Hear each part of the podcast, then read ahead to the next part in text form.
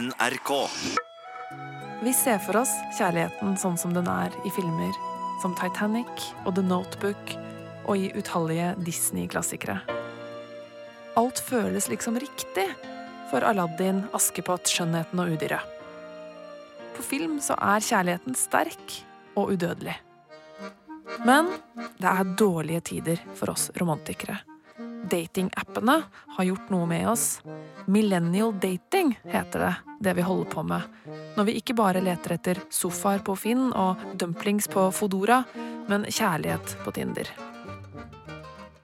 I denne serien skal du få møte flere som leter etter den rette akkurat her og nå. Og jeg lover deg at herfra og ut er ingenting som på film. One is the loneliest number that you'll ever do.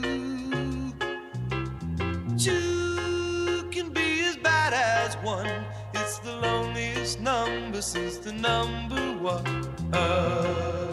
Da lå det en lapp på bordet hvor det sto 'Vil du være kjæreste med meg?' og så sånn kryssa bokser. Med ja eller nei. For ingen luft, blir knuffad rundt. Jeg danser, men jeg kjenner ingenting alls. Silje er en type som får til det meste. Hun har en bra jobb, hun kan snakke kinesisk, danse tango, hun har kjøpt sin egen leilighet, helt nybygd, sentralt i Oslo. Men akkurat dette med valg i kjærlighet, det er hun elendig på. I dag så er det jo sånn at det er jo så mange valg. Det er jo så mange menn der ute. Um, og hvordan skal man vite at den man satser på, er den personen man burde satse på? For det vil alltid være noen kulere der ute, noen penere, noen smartere. Noen som man har enda mer til felles med. Hva hvis jeg møter noen i morgen som er enda bedre? Eh, da kan jeg jo ikke forplikte meg til dette nå. Men nå er Silje helt nødt til å ta et valg. For gutten hun har data de siste to månedene, har bedt om en avklaring. Skal de bli kjærester, eller skal de tvert imot bryte med hverandre? Silje syns valget er kjempevanskelig, ikke minst fordi det føles som om hele framtida står på spill. Det er jo vanskelig når man er i en situasjon hvor man på en måte er i slutten av 20-årene, starten av 30-årene, og man føler kanskje litt på det presset at snart må du liksom finne den personen du skal dele resten av livet ditt med. Eh, og det gjør at man vurderer kanskje folk på en annen måte, da. Kanskje man har litt høyere standarder. Eh, tenker at liksom, å, nå må jeg møte en som er perfekt. På film er følelsene sterke og tvilen ikke-eksisterende når to mennesker velger hverandre for life. Men Silje er ikke stormforelska, og det blir hun egentlig aldri. Så hvordan skal hun da vite at Frode er riktig? Hun prøver å ramse opp de gode egenskapene hans hver gang hun tviler. Han er ekstremt forståelsesfull, tålmodig eh, og rolig og behersket. Og det, det beundrer jeg faktisk veldig mye, fordi at eh, han virker veldig liksom reflektert og eh, har liksom styr på tingene sine. Kanskje fordi jeg nettopp er i en sånn fase hvor jeg ikke vet hva jeg vil, og er litt sånn impulsiv den ene dagen og eh, emosjonell den andre dagen og helt kald den tredje dagen. ikke sant? Eh, at det er en veldig sånn trygghet i seg selv å ha en person som, som på en måte gir ubetinget med forståelse. Hver gang de møtes, leter hun etter tegn på om han er riktig for henne, eller tvert imot feil. Og for å vise hvor kvernete en sånn tvil kan være, se for deg at du er på date med en fyr, og at alt ved han hele tiden vurderes. Den lua der, er ikke den litt trang? Har han stort hode? Men han er høy, da, og vi kysser veldig bra. Mm. Men har han ikke litt svakt grep rundt ryggen min? Burde han ikke ta ordentlig tak, liksom?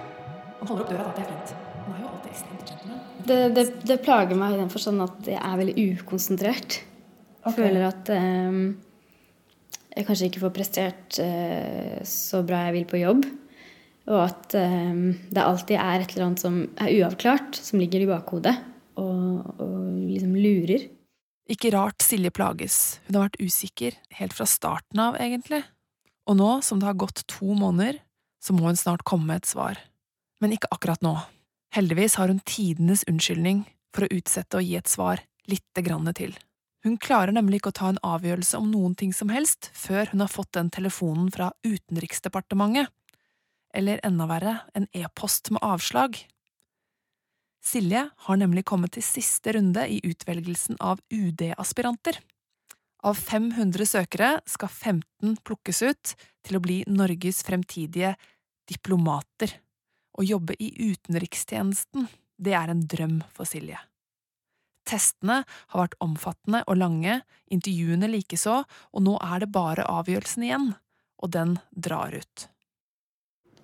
Det eneste jeg har gjort i tre uker, er å sjekke telefonen min. Ikke sant? Hele tiden sjekke e-post. Har jeg fått et e-post hvor det står 'du har ikke kommet med'? Eller har jeg fått en telefon fra noen? Eller har noen av referansene mine ringt meg for å si at de har blitt oppringt? da? Og jeg tror jeg aldri har vært så mye på mobilen som jeg har vært de siste tre ukene. Sjekket den ca. annethvert minutt. Og både for å på en måte sjekke og følge med, men også for å distrahere meg fra de tankene, fordi de har vært så altoppslukende. Og annethvert minutt så har jeg tenkt dette går ikke. Kommer aldri i verden med. Og neste minuttet så har jeg tenkt jo, men hallo, jeg gjorde jo det veldig bra, og selvfølgelig vil de ha en som meg. Um, og den derre spenningen i kroppen som man bare får, hvor alt føles helt låst, og man er konstant kvalm, konstant liksom klump i magen. Uh, og hver gang jeg kommer på at jeg kan få et avslag, eller kommer på at jeg kan få en telefon, så bare liksom faller hele magen som en sånn stein. Uh, og uh, alt, altså alle muskler, alle ting, har vært helt sånn helt sånn spent og låst. Ja, det føles rett og slett som om livet er på pause.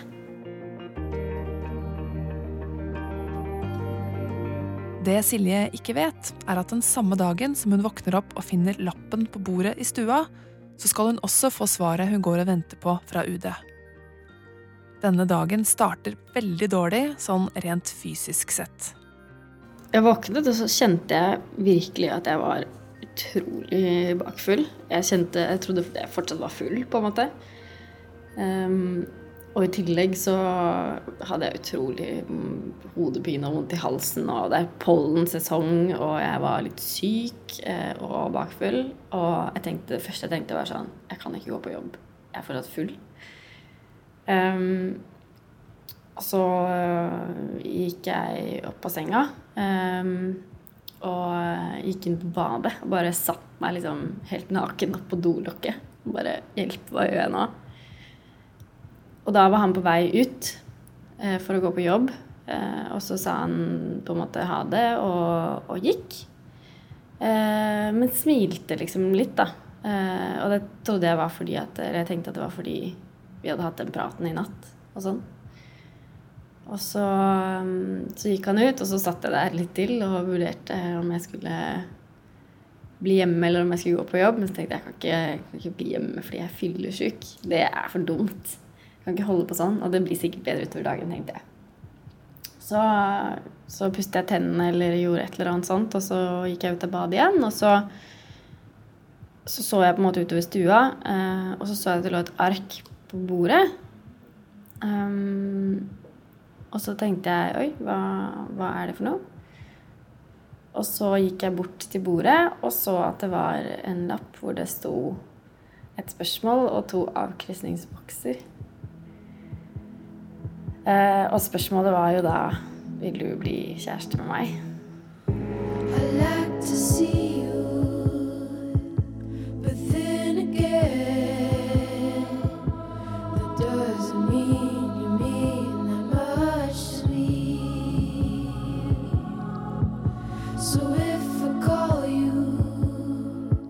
Silje blir igjen splitta.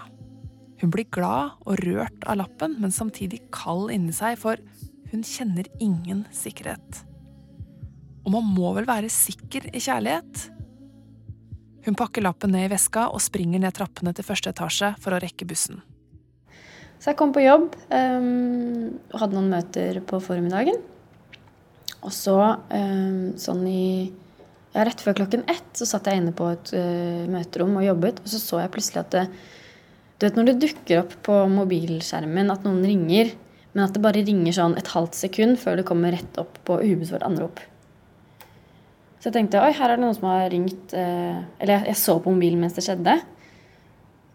Og så så jeg at eh, ja, noen hadde ringt et halvt sekund, lagt på, og så hadde det kommet opp et ubesvart anrop. Så tenkte jeg ja, ja, irriterende. Eh, de ringer sikkert opp igjen. Men så gikk det jo da et brøkdel av et halvt sekund inni hjernen min før jeg bare Ok, jeg må sjekke hvem dette er. Så jeg googlet faktisk eh, nummeret for å sjekke hvem det var, da. Og så sto det Utenriksdepartementet. Og da eh, ble jeg veldig redd og veldig rar. Så gikk jeg bort til kollegaen min så sa jeg, ok, jeg har fått et, et anrop som varte i et halvt sekund. Eh, og jeg sjekket hvem det var, og det er UD. Hva skal jeg gjøre? Så sa han du må ringe opp igjen, du må ringe opp igjen, herregud. Og, så sa jeg hei, jeg vet ikke, jeg tør ikke. For da skjønte jeg på en måte at kanskje det kom til å komme en beslutning, da. Ganske raskt. Så jeg prøvde å ringe opp, men eh, da kom det bare sånn summetone. Så tenkte jeg nå må jeg gå ut, nå må jeg bare gjøre noe annet. Så jeg gikk meg en liten tur. Eh, og så ringte de da, opp igjen. Silje har gått fra arbeidsplassen sin på Oslo OsloMet, tidligere Høgskolen i Oslo, og oppover mot Bislett. Hun blir stående ved fotgjengerovergangen og bare se ned på føttene sine. En taxi tuter irritert, og hun skvetter bakover, inn på fortauet mens hun klemmer mobilen mot øret. Og da sa hun jo i telefonen at eh, ja, nå har jeg snakket med utenriksministeren, og hun var helt enig i eh, innstillingen fra aspirantpanelet om at du eh, skal bli innstilt som aspirant, da. Uh, og jeg tror jeg bare Jeg sa bare ja, ja, ja. Jeg gleder meg. jeg klarte ikke å gjøre noen ting. Jeg klarte ikke å si noe fornuftig. Var hjertet mitt bare dunket og dunket og dunket. og dunket og dunket. Så gikk det ganske fort, den telefonsamtalen. Det skal jo ringe ganske mange. Um, så da jeg la på, så Så måtte jeg bare ta noen minutter for meg selv. Og bare Jeg har fått jobb. Og så ringte jeg mamma, og så sa jeg Mamma, jeg skal bli diplomat. Så begynte jeg å gråte. det var da det gikk opp for meg. Da jeg, da jeg sa det høyt, da. For første gang. Og så begynte mamma å gråte litt, og så sa hun jeg kjøper champagne. Kom opp etterpå. Etter jobb. Silje er i lykkerus. Hun drikker champagne med foreldrene sine, skåler og går hjem og legger seg. Og for første gang på lenge sover hun som en stein. Dagen etter møter jeg henne tidlig på morgenen på en kaffebar like ved jobben. Så nå har jeg sovet veldig godt i natt, og så tenker jeg at nå må livet begynne å løse seg opp. Det er jo ingen unnskyldninger å gi Frode lenger nå. Nå må han få et svar. Silje strekker seg ned etter veska si og bretter ut et hvitt A4-ark. Her er lappen. Um, og jeg har laget et tentativt svar, da. Å, løp et lite hjerte inn i ja-boksen. Når lagde du det etter? Eh, I går. I går kveld. Men jeg har ikke levert lappen tilbake, da. Jeg vet ikke hvordan jeg skal gjøre det. Lappen er besvart. Silje virker glad og sikker. Skal alt falle på plass nå? På en og samme gang? Skal hun både bli diplomat og få seg kjæreste på samme tid? Er livet i boks? She's at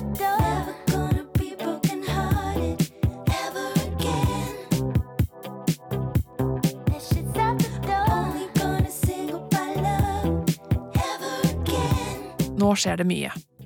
Den påfølgende uka drikker Silje champagne hver dag. Ikke før fredagen møter hun Frode. Høy og mørk kommer han gående nedover gata, og hun merker at det er godt å se han igjen. Han bøyer seg ned og kysser henne, og gratulerer henne så innmari mye med at hun skal bli UD-aspirant. Silje kjenner det krible i hele kroppen.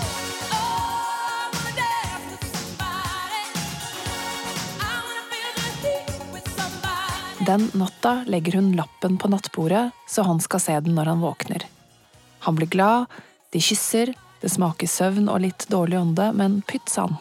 Det er sol, sommer, og alt er bra denne første dagen som kjærester. Eller er det egentlig det? Den første dagen så var det jo egentlig helt motsatt. Da var jeg veldig sikker. Eller jeg var ikke veldig sikker, kanskje, når jeg tenkte meg om.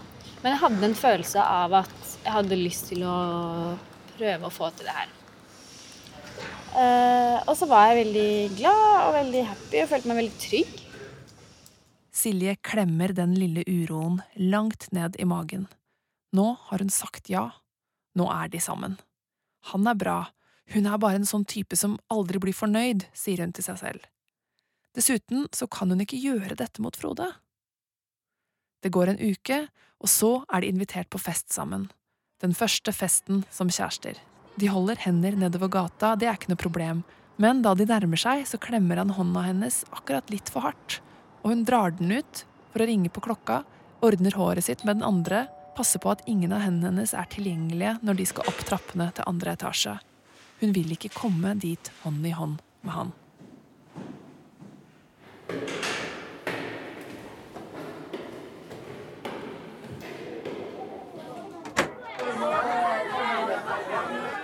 Kommer inn i en gang overfylt av sko. Hun først, han etter. Hun kjenner at det irriterer henne litt, et eller annet, at han liksom er der. Jeg ser for meg at hun smetter en øl ut av sekken og spør om ikke han kan sette resten i kjøleskapet. Og så klemmer hun venner, setter seg et sted, holder ikke av stol til Frode. Hun merker at han kommer tilbake ut fra kjøkkenet, og at han blir stående. Og så sto han i døråpningen, og så så han på meg med veldig sånn langt blikk. Og så så jeg tilbake, ehm, og veldig fort på en måte så vekk igjen, da. Og fortsatte på en måte samtalen min med de andre. Festen går sin gang. Silje ler masse, kanskje litt for høyt, denne kvelden. Alle vil høre om UD. Hun går fra gruppe til gruppe og forteller. Hele tiden er Frode der, i øyekroken. Eh, og så kommer han bort og bakfra på en måte holdt rundt meg, da.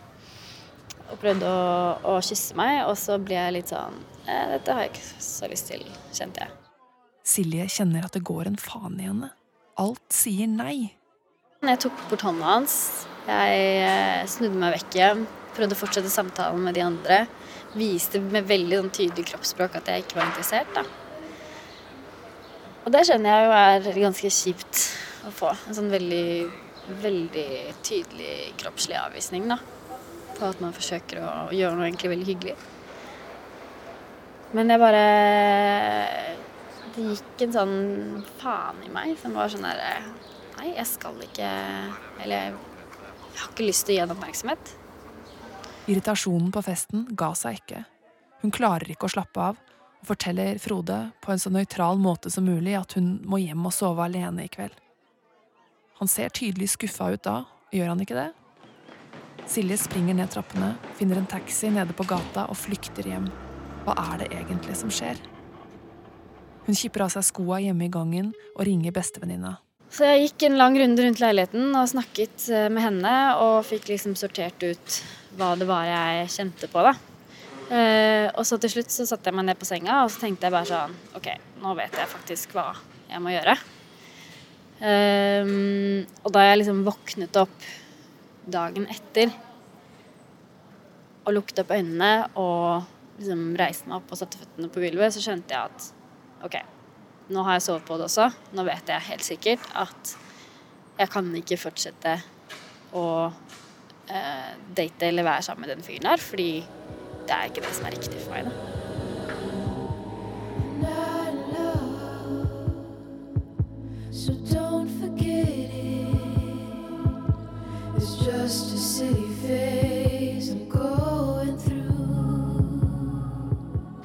Var veldig rart, for det var jo ikke det at det ikke liksom var ekte, eller at jeg lurte han, eller liksom gjorde noe sånt. Det, føltes jo fint og riktig akkurat der og da, og så Men så plutselig så, så, så kjente jeg at jeg hadde ikke Eller at, jeg, eller at det var en, kanskje en ubalanse, da, i i følelsene.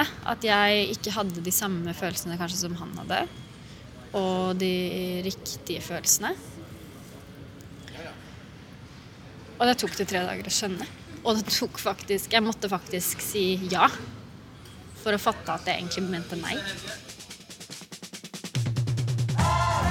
For en minutt sen var du min En tredjedel av den jeg var går hen. For en er krossad, en er din Det här är slutet på vår film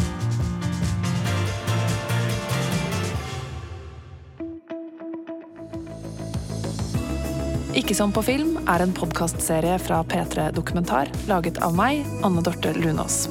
Lyddesignere i denne episoden har vært Marius Holt og Rikard Sveen. Musikk til serien er laget av Marius Christiansen.